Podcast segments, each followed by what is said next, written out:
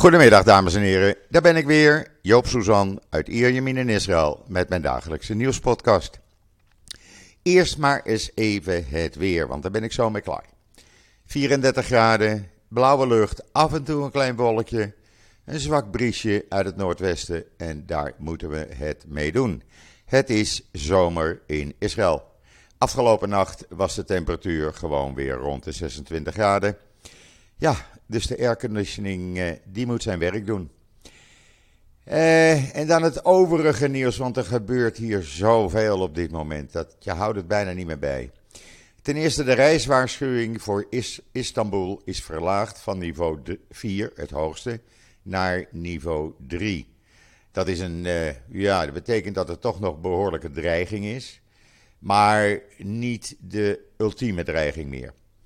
Uh, er is nog steeds een kans dat uh, Iraanse terroristen of moordenaars proberen Israëli's te ontvoeren of te vermoorden in Istanbul met name en in Turkije in zijn algemeen. Uh, nou heeft de Veiligheidsdienst, de Israëlische Veiligheidsdienst, een aantal punten opgegeven waar je aan moet voldoen als je als Israëli in het buitenland bent. Maar gezien het feit dat uh, ja, ook in andere landen gevaar is, denk ik dat een aantal van die, uh, van die voorwaarden ook voor Nederlandse toeristen kunnen gelden. Je kan het lezen op israelnieuws.nl. Maar wat zij zeggen bijvoorbeeld, vermijd uh, het publiceren van je reisgegevens op social media voordat je uh, naar een land toe gaat. Nou, dat lijkt me geen slecht idee. Uh, vermijd het plaatsen van foto's en bezoekgegevens waar je bent. Uh, geef details door aan familieleden, eerste graads familieleden of tweede graads familieleden in Nederland. Waar je bent, waar je verblijft. En wees alert tijdens het reizen om wat er om je heen gebeurt. Uh, ont onthult nooit je persoonlijke gegevens of details in het buitenland aan iemand die je niet kent. En vermijd contacten met onbekenden. Nou, dat zijn toch dingen waar je ook als Nederlander uh, wat aan hebt, dacht ik zo. En dan uh, hebben we de, gisteren heeft de ARDF gisteravond een, of eigenlijk, ze hebben het gisteravond bekendgemaakt. Maar het blijkt al op 22 mei te zijn gebeurd. U kunt het lezen ook in israelnieuws.nl. Uh, ze zagen twee verdachte Bedouinen lopen in het grensgebied met Jordanië bij de Dode Zee. De video kan je zien op Israël Nieuws. En uh, ja, die waren bezig met een poging tot een behoorlijke wapensmokkel. En uh, die hebben ze dus op tijd gepakt. Goed werk weer van IDF-soldaten. En dan de politiek hier. Vandaag is dus de dag waarop de Knesset drie keer moet stemmen en dan uh, ja, ontbonden wordt en we op weg gaan naar verkiezingen. Maar ja, dit is Israël. Er kan nog van alles gebeuren. De Likud-partij die houdt belangrijke wetsvoorstellen tegen als onderhandelingsmiddel over de verkiezingsdatum. Wat willen die namelijk? Die willen op 25 november. Waar de coalitie zegt, laten we dat gewoon op 1 november doen. En waarom 25 november voor de Likud? Omdat dan uh, de meeste kiezers voor hun, voor hun partij, voor de Likud-partij en voor de orthodoxe partijen nog vrij zijn. Dat zijn namelijk de yeshiva-studenten. Van jong naar oud en oud naar jong. De Joodse feestdagen die zijn namelijk dan net achter de rug. En dan zijn ze nog vrij, want ze beginnen die uh, zondag daarop pas met uh, ja, weer naar school te gaan, weer naar de shiva te gaan. Dus ze hebben optimale kans om alle hun kiezers te krijgen te stemmen voor Likud en ultra-orthodoxe partijen. En toen zei gisteren uh, een van de Likud-leden, meneer Joaf Kies, die zegt: Ik zeg het gewoon heel duidelijk en op de eenvoudigste manier. De verkiezingsdatum is belangrijk voor ons, want we willen een goede prestatie neerzetten.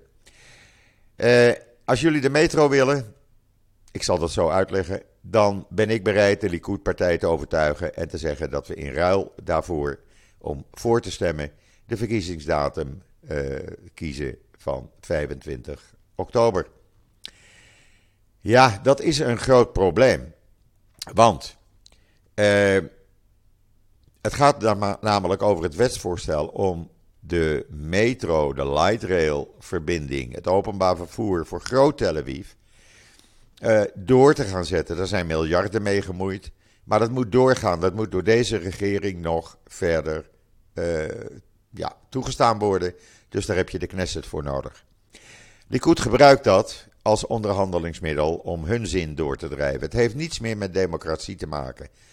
Uh, want dan zeg je: oké, we gaan de verkiezingen in 1 november en die metro, die light rail, kan gewoon aangelegd worden.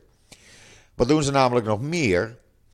Uh, Israël is bezig, de Israëlische regering, om Israël deel te laten uitmaken van het visa-waiver-programma van Amerika.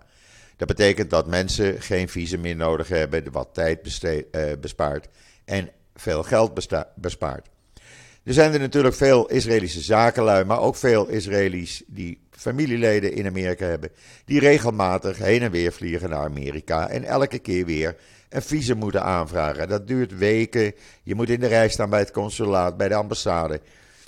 En uh, ja, als je dus die uh, uh, deel uitmaakt van het visa-waiver-programma, dan hoeft dat allemaal niet meer. Kan je gewoon heen en weer naar Amerika zonder visum. wat zegt Likud? Ja, maar als jullie je zin krijgen als regering, dat is zo'n populair onderwerp, dan krijgen jullie daar extra stemmen door. Dus wij stemmen hier uh, niet in mee. Gisteren hield de Amerikaanse ambassadeur zelfs een pleidooi naar de Likud en de orthodoxe partijen.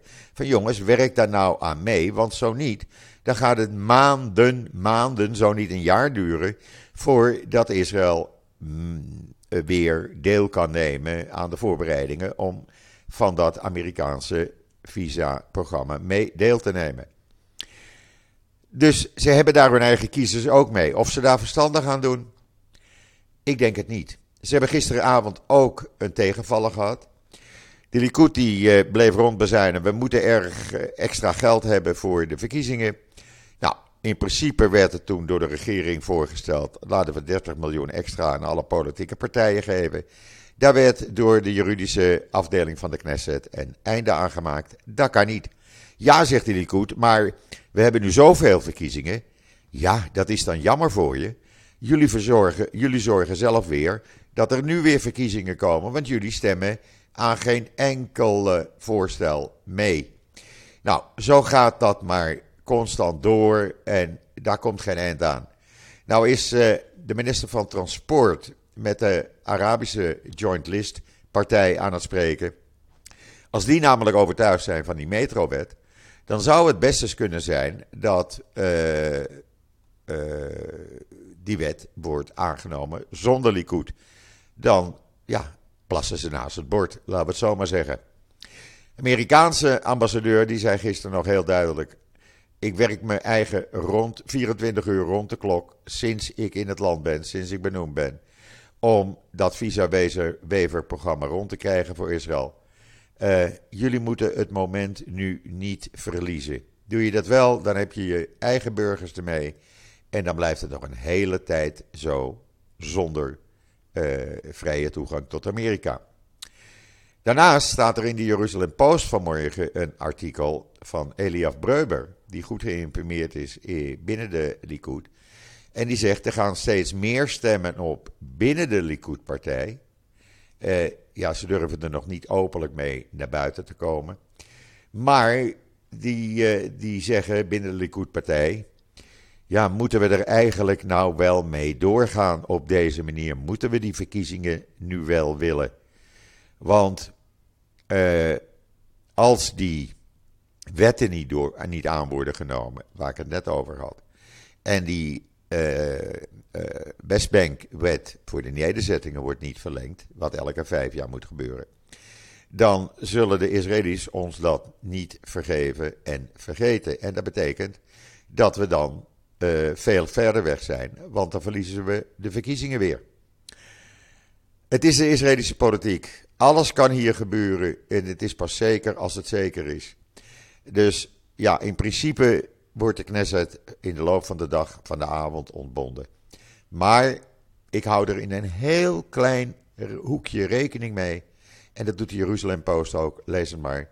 dat er nog van alles kan gebeuren en dat op het laatste moment die hele verkiezingen, die hele ontbinding van uh, de Knesset en de verkiezingen wordt gestopt. We gaan het meemaken, we gaan het zien. Morgen hoort u meer en hou mijn social media in de gaten. En israelnieuws.nl natuurlijk. En dan een jaar nadat hij een poging tot zelfmoord had gedaan, is dan vanmorgen de oprichter van Zaka, die hulporganisatie, Yehuda Meshi Zahav, in het Herzog Medical Center overleden nadat zijn toestand de afgelopen dagen verslechterde. Hij deed een jaar geleden uh, een poging tot zelfmoord. Dat gebeurde nadat bekend werd dat er steeds meer klachten van seksueel misbruik tegen hem werden ingediend door leden van de ultradoxe gemeenschap. Dat waren dan jonge meisjes, jonge vrouwen, die, uh, ja, en die vielen nog binnen de verjaringstermijn. De eerste beschuldigingen kwamen in maart 2021. Dat werd steeds sterker. Toen gaf hij al de Israëlprijs, een hele belangrijke prijs, terug. Uh, er kwamen steeds meer beschuldigingen. Toen overleden, verleden jaar maart, zijn uh, uh, jongste broer en zijn ouders kort na elkaar aan COVID. Daar kon hij niet meer aan. Hij probeerde zich op te hangen. Hij werd gered op het laatste moment. Maar is dan nu toch overleden. Jammer, want hij heeft ook enorm veel goed werk gedaan. Want Zaka is nog steeds de organisatie die bij terreuraanslagen, bij rampen aanwezig is om alle menselijke delen die er nog zijn eh, op te ruimen, te begraven later. Maar ook zorg te dragen voor de stoffelijke overschotten. Jammer, de man heeft goed werk gedaan. Maar ja, hij heeft ook foute dingen gedaan. En dat kan gewoon niet. En dan de afgelopen nacht heeft de IDF opnieuw eh, 13 terreurverdachten gearresteerd op de Westbank, Judea, Samaria. En opnieuw wapens in beslag genomen. Ze werden ook bestookt met vuurwapens. IDF schoot terug met 22 kaliber patronen. Zouden één iemand hebben geraakt, daar is verder weinig over bekend. Aan de kant van de IDF geen gewonde uh, gevallen. En dan, uh, ja, een goed artikel van Bas Welder, onze vaste columnist. Ga maar lezen. De Holocaust. Er is een poging tot kaping van de Holocaust in Berlijn, juist in de plaats van oorsprong. Heel uh, bijzonder verhaal, een bijzondere column wat hij heeft neergeschreven. En ik raad het iedereen aan om het te lezen. En dan, uh, ja, iets waar heel Israël hartstikke trots op is, mensen. Wat is er gisteravond gebeurd? Het Israëlische jeugdvoetbal-elftal onder de 19 jaar, of onder de 20 eigenlijk, die heeft Frankrijk verslagen in de, kwart, of de halve finale van de beker voor UEFA voor onder de 19 jaar. Hartstikke mooi, met 2-1 verslagen. En ze staan nu vrijdag in de finale in Slowakije, in Tranava, tegen niemand minder dan Engeland. Nou, ze hebben hiermee geschiedenis geschreven. Het is nog nooit in de, in de uh, geschiedenis van het Israëlische voetbal gebeurd dat een Israëlisch voetbalteam zo ver is gekomen. En ja, dat waren natuurlijk felicitaties van premier Bennett, van Yair Piet, uh, Buitenlandse Zaken, van de minister van Sport, Hiller, uh, of Tropper. En ja, iedereen is hartstikke, hartstikke trots. Lees het allemaal op The Times for Israel. Ik ben er ook beren trots op. Ja, en dan heeft Hamas die video getoond gisteravond van een van die twee Israëlische gevangenen. die al jaren door hun in gevangenschap worden gehouden. Dat is één uh, geestelijk gehandicapte Israëli en een gekend, uh, ja, geestelijk gehandicapte Israëlische Arabische jongen.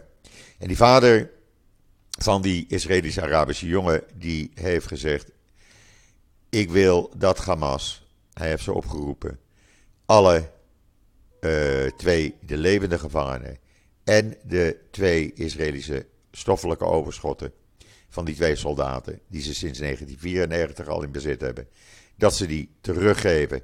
En ik ben bereid te wachten op de vrijlating van mijn zoon, totdat ze alle vier, hoe dan ook, terugkomen.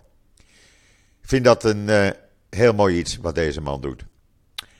En dan, Israël heeft een probleem. Als je werk zoekt en wil je veel verdienen, er is zat en zat werk in Israël. Want, wat is het probleem? Er is zo goed als geen werkloosheid. 3,6 procent, dat is vele malen minder dan de 6,8 procent in de EU, in de Europese landen. En ook minder dan 5% het gemiddelde van de OESO-landen. En Israël heeft dus geen uh, genoeg arbeiders op alle gebieden. Of het nou internet, de bouw, de zorg, het maakt niet uit. Vandaar ook dat de vergunningen voor Palestijnen uit Gaza, maar ook voor Palestijnen uit de Palestijnse gebieden, uh, omhoog gaan. Uh, maar ook dat er nu binnenkort, binnen een aantal weken, te beginnen met 40.000 arbeiders uit Marokko richting Israël komen. Want er zijn gewoon geen mensen. De economie die draait als een tierenlier en die draait steeds beter. En we hebben gewoon de mensen nodig. Dus zoek je een leuke baan in de uh, high-tech of wat dan ook. Er is altijd de mogelijkheid om in Israël een werkvergunning te krijgen en hier lekker te werken te genieten van de mensen, het werk en het weer.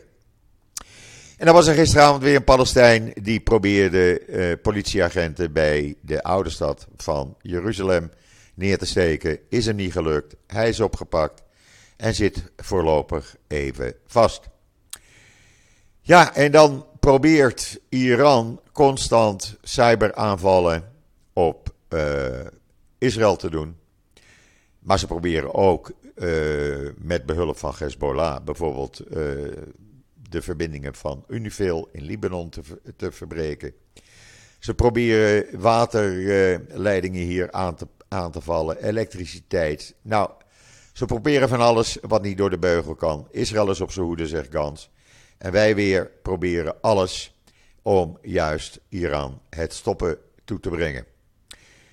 En dan Hamas en Hezbollah en alle andere uh, Arabische of Palestijnse terreurgroepen, moet ik eigenlijk zeggen, die worden nerveus. En waarom worden ze nerveus? Omdat er steeds meer sprake is van een Israëlisch-Arabische veiligheidswerking. Uh, Israël heeft nu die uh, bijeenkomsten gehouden de afgelopen dagen. Met Saudi-Arabië zelfs. Daar zat Saudi-Arabië bij, de Egypte, de landen van Bahrein en de Emiraten. En daar is gesproken over een gezamenlijke veiligheidsalliantie. En die krijgt steeds meer vorm. En daar worden die Palestijnse terreurgroepen en Hezbollah, die door Iran wordt gesteund, die maken zich daar steeds meer zorgen over. En die worden daar nerveus van. Uh, Hamas-baas uh, Haniyeh is zelfs in Libanon uh, geweest om met uh, Hezbollah-baas Nasrallah te praten van jongens, wat moeten we nu doen?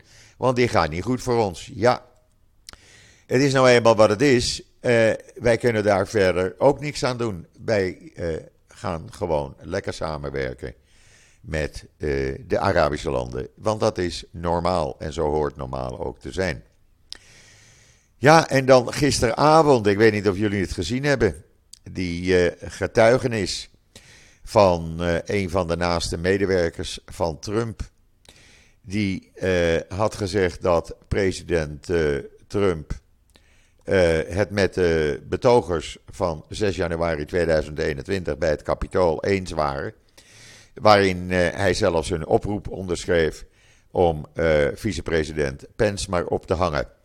Dat zij een, een belangrijke voormalige naaste medewerker van Trump dinsdag aan de onderzoekers van het Huis, Huis van Afgevaardigden uh, hij zegt, uh, ja, Trump was gewoon, uh, eigenlijk wilde hij de deur van het kapitool wel openzetten. Als hij daar was geweest, konden ze allemaal naar binnen komen. Nou, ik denk dat het de kansen van Trump niet echt groter gaat maken om nog ooit eens een keer president van Amerika te worden. Die kans, denk dat hij die verkeken heeft. Je kan het lezen trouwens in de Times of Israel, het hele verhaal. Want ik heb het in Nederlandse kranten nog niet tegengekomen. En dan heeft Apple aangekondigd dat het R&D Center, Research and Development Center, wat ze hebben in de Palestijnse stad, de nieuwe stad Rawabi, en waar 60 mensen werken, daar gaan ze het personeelsbestand uitbreiden. Hoe goed is dat? Ik vind dat een uh, uitstekende zaak. En wat ook een uitstekende zaak is, met de hulp van een synagoge uit New York, die daarvoor 15.000 dollar op tafel heeft gelegd, en andere organisaties, gaan Jacob Poluden, 28 jaar, en Malka Bukreva, 21 jaar, vluchtelingen uit Israël, uit de Oekraïne, die in Israël proberen een nieuwe toekomst op te, op te bouwen. Die gaan op 10 juli trouwen in Tiberias bij het meer van Kinneret, oftewel het meer van Tiberias. De bruiloft kan er groots worden gevierd dankzij die donatie van 15.000 dollar. En dan, dankzij de hulp van uh, andere organisaties en privé uh, mensen. Uh, waardoor zij dus een bruiloft krijgen zoals ze zich nooit hadden kunnen bedenken. Er zullen kosten nog moeite worden bespaard. En ja, ze hoeven er geen cent aan te betalen. Hoe mooi is dit? En dan in België. Ja, alles kan schijnbaar in België. Uh, in Israël bekend geworden dat op een Amerikaanse basis, luchtmachtbasis, waar kernwapens liggen opgeslagen, daar heeft de Belgische politie burgers gearresteerd die op die basis bezig waren met het produceren van ecstasy-pillen. Ja, alles kan. Uh, ze hebben twee verdachten aangehouden, geen militairen. En ze zijn op zoek naar anderen. Dit speelde zich af op de basis Kleine Brogel in het noordoosten van België. Uh, ja, ik vind het linker troep. Linker soep eigenlijk. En dan, uh, je kan dat lezen in uh, Times of Israel. En dan een rechtbank in de Emiraten in Dubai. Die heeft de levenslange gevangenisstraf die was geëist, of eigenlijk de doodstraf die werd geëist tegen de Arabisch-Israëlische vrouw Fida Kiwan, die op maart 2021, zegt men, met wat cocaïne in haar, haar bagage naar Dubai was afgereisd. Althans, dat werd gevonden in haar bagage. Het is niet eens zeker dat zij het zelf in heeft gedaan. In ieder geval, uh, druk van uh, Israël, het ministerie van Buitenlandse Zaken en van, Arabi of van Israëlische uh, advocaten. Het heeft geholpen, want die doodstraf is van tafel geveegd. Er komt een nieuwe eis. Mogelijk wordt dat een aantal jaren gevangenisstraf die ze dan in Israël zou kunnen uitzitten.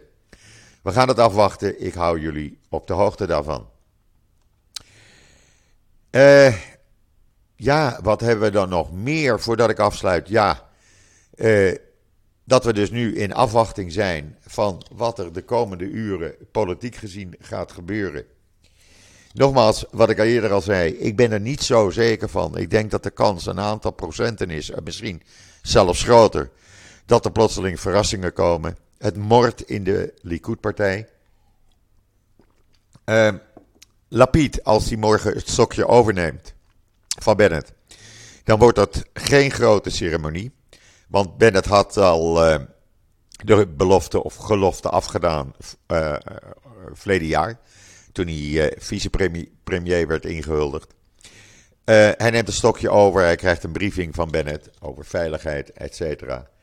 En Bennett wordt dan minister voor Iran en vicepremier en krijgt nog wat andere zaken te doen. En uh, Lapid gaat gewoon vloeit, uh, moeiteloos verder als premier en minister van Buitenlandse Zaken. Zonder de portefeuille Iran. Dat is dus het scenario van morgen. Maar nogmaals, het is niet zeker. Wat wel zeker is, is dat ik aan het einde ben gekomen van uh, deze toch wel lange podcast. Het is weer 25 minuten. Maakt niet uit. Jullie willen graag weten wat er hier gebeurt. En ik vertel het. Rest mij nog iedereen een hele fijne voortzetting van deze woensdag, de 29 juni, toe te wensen. Ik ben er morgen weer op de laatste dag van de maand juni. En zeg zoals altijd: tot ziens, tot morgen.